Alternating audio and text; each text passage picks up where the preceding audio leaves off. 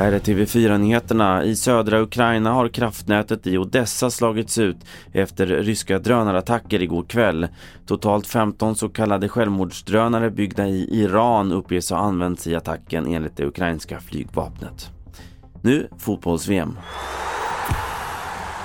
Där det igår skrevs fotbollshistoria när Marocko blev första afrikanska lag att gå till en VM-semifinal efter 1-0-segern mot Portugal. Där de möter Frankrike som igår slog ut England. Den andra semifinalen spelas mellan Argentina och Kroatien. Sist om att de tuffare ekonomiska tiderna leder till minskad konsumtion bland svenska hushåll. Något som nu också märks i vårt avfall. I Göteborg har inflödet av sopor som bränns till fjärrvärme och el börjat minska.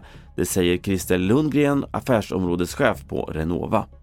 Vissa avfallsvolymer minskar med mellan 7 till 10 procent. Industriavfallet minskar ju, eh, inte minst för att eh, industrierna minskar sin produktion på grund av förseningar och så vidare. Vi har bygg och rivningsavfall, ser vi också en minskning.